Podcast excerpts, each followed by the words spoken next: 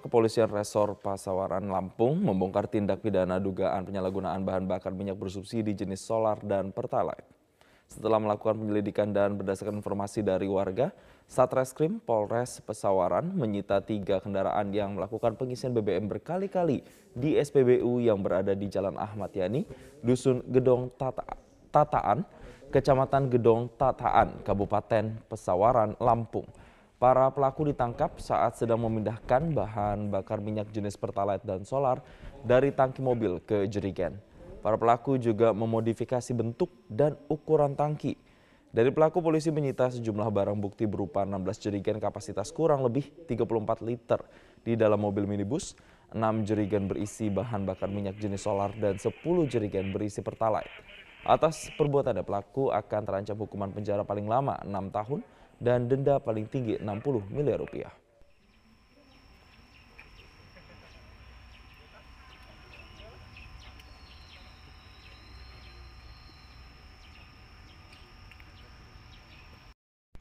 Keterangan para uh, tersangka ini mau diedarkan di masyarakat. Ya.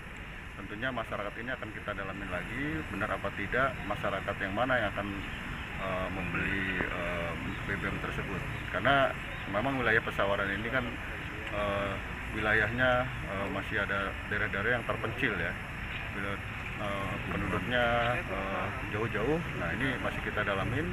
Ataukah mungkin nanti larinya ke BBM ini ke masyarakat yang tidak memerlukan membutuhkan subsidi? Nah ini masih kita dalam Sementara itu pemirsa masyarakat mulai mempersiapkan diri melakukan mudik lebaran. Iya, um, ini uh, tiket kereta api jarak jauh sudah terjual 64 persen dan di Purworejo, Jawa Tengah sebagian besar tiket tujuan stasiun besar Kuto Arjo habis terjual. Sebagian besar tiket kereta api berbagai kelas ekonomi hingga eksekutif relasi Jakarta Purworejo dan Bandung Purworejo via stasiun Kuto Arjo di Kabupaten Purworejo, Jawa Tengah habis terjual.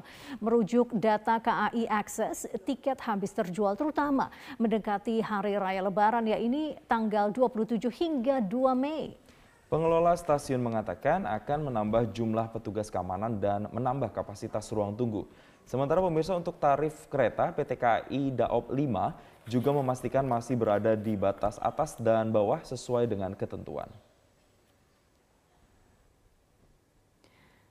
Ya, sementara itu jelang puncak arus mudik lebaran Daop 1 Jakarta menyediakan 58 perjalanan kereta api per hari dengan kapasitas lebih dari 33 ribu. Hingga hari ini sebanyak 64 persen tiket kereta api jarak jauh telah terjual. Dari total tiket 334.850 untuk keberangkatan pra-lebaran 22 April hingga 1 Mei. Tanggal keberangkatan paling banyak dipilih oleh pemudik yaitu di tanggal 27 hingga 30 April 2022 dengan tujuan Yogyakarta, Kuto Arjo, Purwokerto, Semarang, Surabaya, Cirebon, Kebumen, dan Bandung. Pemirsa DPR resmi mengesahkan RUU TPKS menjadi undang-undang yang berlaku secara umum. Hal ini pun diapresiasi sebagai catatan sejarah dari perjalanan panjang perjuangan untuk memiliki payung hukum terkait tindak kekerasan seksual di tanah air. Setelah enam tahun mandek, akhirnya rancangan Undang-Undang Tindak Pidana Kekerasan Seksual disahkan dalam sidang paripurna DPR 12 April 2022. Rapat paripurna pengesahan RUU TPKS dihadiri 311 anggota Dewan, baik secara fisik maupun virtual. Dengan jumlah itu, Ketua DPR Puan Maharani menyebut rapat paripurna ke-19 telah memenuhi kuota forum. Pengesahan RUU TPKS menjadi undang-undang adalah hadiah bagi seluruh perempuan Indonesia. Apalagi menjelang peringatannya ini juga hadiah bagi seluruh rakyat Indonesia dan kemajuan bangsa kita.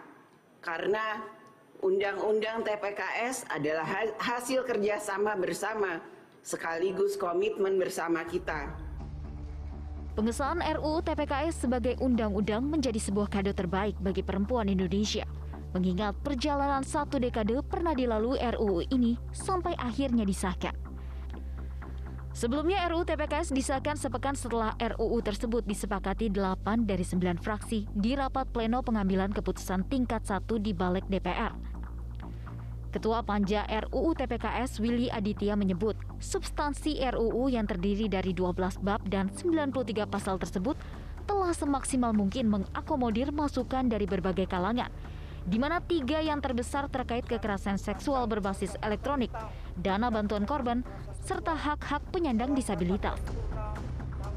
Buah proses yang cukup cepat pertama ya, setelah Bamus menyerahkan kepada badan legislasi, kita bisa kebut itu dan itu sesuai dengan ekspektasi teman-teman semua. Kita siarkan secara terbuka, partisipasi publik sangat luas dan kemudian apa yang menjadi pokok-pokok pikiran dari banyak kelompok selama ini khususnya untuk perlindungan korban itu kita tampung semua. Jadi ini adalah sebuah capaian kerja bersama yang cukup lama lah. Senada dengan DPR, pemerintah yang diwakilkan oleh Menteri Pemberdayaan Perempuan dan Perlindungan Anak berharap agar UU TPKS dapat menjadi jawaban dari penyelesaian kasus kekerasan seksual yang angkanya terus meningkat. Besar harapan agar UU TPKS ini menjadi undang-undang yang implementatif dengan kondisi terkini dan seiring perkembangan waktu. Tentu uh, kami sering sampaikan bagaimana rancangan undang-undang ini nantinya menjadi undang-undang yang implementatif. Ketika kita bicara implementatif, bagaimana kita ke depannya ini adalah mengatur dalam uh, pelaksanaan peraturan pelaksanaan baik itu melalui peraturan presiden maupun dengan uh, PP. Nah, nanti uh, setelah ini disahkan PR kami dari pemerintah, tentu langkah-langkah yang akan kita lakukan adalah sosialisasi dan koordinasi dengan lintas kementerian lembaga, demikian juga pemerintah daerah agar rancangan undang-undang ini betul-betul implementatif untuk kepentingan yang terbaik kepada korban. Sementara itu, Wamenkumham memastikan terkait perkosaan dan aborsi akan diatur dalam RKUHP yang rencananya disahkan pada Juni mendatang. Kendati demikian, persidangan kasus perkosaan disebut dapat menggunakan hukum acara di UU TPKS yang memiliki paradigma keberpihakan pada korban. Bulan Ramadan membawa berkah tersendiri bagi pengrajin alat musik rebana di Kabupaten Bojonegoro, Jawa Timur. Iya, pasalnya pesanan alat musik islami ini mengalami peningkatan cukup signifikan. Salah seorang perajin alat musik rebana yang kebajaran pesanan di bulan Ramadan ini adalah Muhlisin. Di awal bulan Ramadan ini jumlah pesanannya mengalami peningkatan mencapai hingga 50% jika dibandingkan dengan bulan-bulan biasanya. Jika sebelum bulan Ramadan jumlah pesanan hanya berkisar antara 3 sampai 4 set per bulannya, kini jumlah pemesan sudah mencapai 8 set. Pesanan alat musik rebana ini tidak hanya datang dari lokal Bojonegoro, melainkan juga dari daerah lain seperti Tuban dan Blora. Para pemesan ini rata-rata adalah kelompok hadrah atau lembaga pendidikan Islam seperti madrasah maupun pondok-pondok pesantren. Um, ramainya pesanan berdampak pada peningkatan omset pengrajin. Uh, pada bulan Ramadan ini mampu menyentuh angka 21 sampai 20 juta rupiah. Iya, harga setiap alat musik yang ditawarkan juga cukup bervariasi, yakni mulai dari 3 juta sampai dengan 4 juta rupiah setiap setnya. Hal tersebut tergantung pada besar dan kecilnya ukuran serta bahan maupun kualitasnya. Selain melayani pesanan rebana baru, di rumah produksi Muhlisin ini juga melayani servis atau perbaikan alat musik rebana lama yang sudah rusak. Sehingga alat musik rebana dapat kembali bersuara lebih nyaring dan merdu setnya harganya 3 juta. Itu ada 10 unit. Berarti bahan baku pengaruh juga terkait ya, harganya mas? terhadap harga juga pengaruh. Hmm. jadi rata-rata dari mana aja nih mas? Dari ya dari kalau dari luar kota banyak sih mas. Dari Tuban dari Cepu. Ada juga yang dari Bamilan. Tapi kalau rata-rata ya dalam kota yang biasa servis Sementara itu pemirsa sejumlah pelajar SMP di Surabaya, Jawa Timur bersedekah dengan cara sambung ayat suci Al-Quran berhadiah gratis 3 liter BBM. Hal yang sama terjadi di Ngawi, Jawa Timur. Sejumlah SPBU membuat program 1 juz 1 liter Pertamax bagi setiap warga yang ikut mengaji Al-Quran di musola SPBU tersebut. Aksi sambung ayat suci Al-Quran ini dilakukan di pintu masuk salah satu SPBU di kawasan Jalan Manyar, Surabaya, Jawa Timur. Para pelajar menghentikan uh, pengendara motor yang melintas untuk diberikan tantangan melanjutkan potongan ayat suci Al-Quran yang sebelumnya dibacakan oleh pelajar dengan tartil membaca Al-Quran yang benar. Ya, bagi pengendara ojol yang bisa melanjutkan potongan ayat suci Al-Quran dan dilafalkan dengan benar akan langsung diberi kupon hadiah gratis BBM jenis Pertamax sebanyak 3 liter setiap motor yang bisa ditukarkan langsung di SPBU tersebut.